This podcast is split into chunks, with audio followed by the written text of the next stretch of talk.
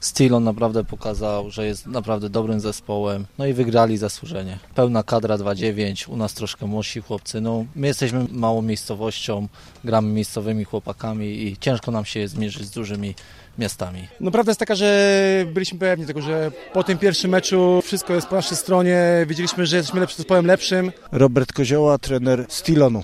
Cieszę się ogromnie, bo zasługa to jest całej Akademii. Tak naprawdę wielkie podziękowania dla trenera Tomka Bednarczyka, który mi pomagał, Gorzowskiego Centrum Piłkarskiego, gdzie wspólnie zdobyliśmy fajnych chłopaków z Gorzowa, stworzyliśmy wspaniały zespół.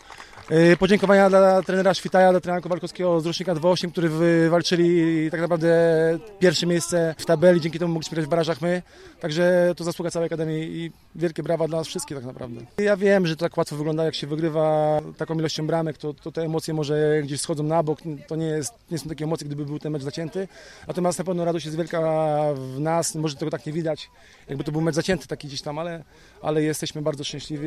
Mega fajna przyszłość dla tych chłopaków, naprawdę najwyższa liga w tej chwili młodzieżowa w kraju dla nich, także sama, sama radość dzisiaj i wielkie brawa dla chłopaków przede wszystkim, że, że potrafili to udźwignąć. Nie było stresu, ale Oskar Gabryś, kapitan Stilonu. trzeba to po prostu było dopiąć to zwycięstwo, wygrać i tyle.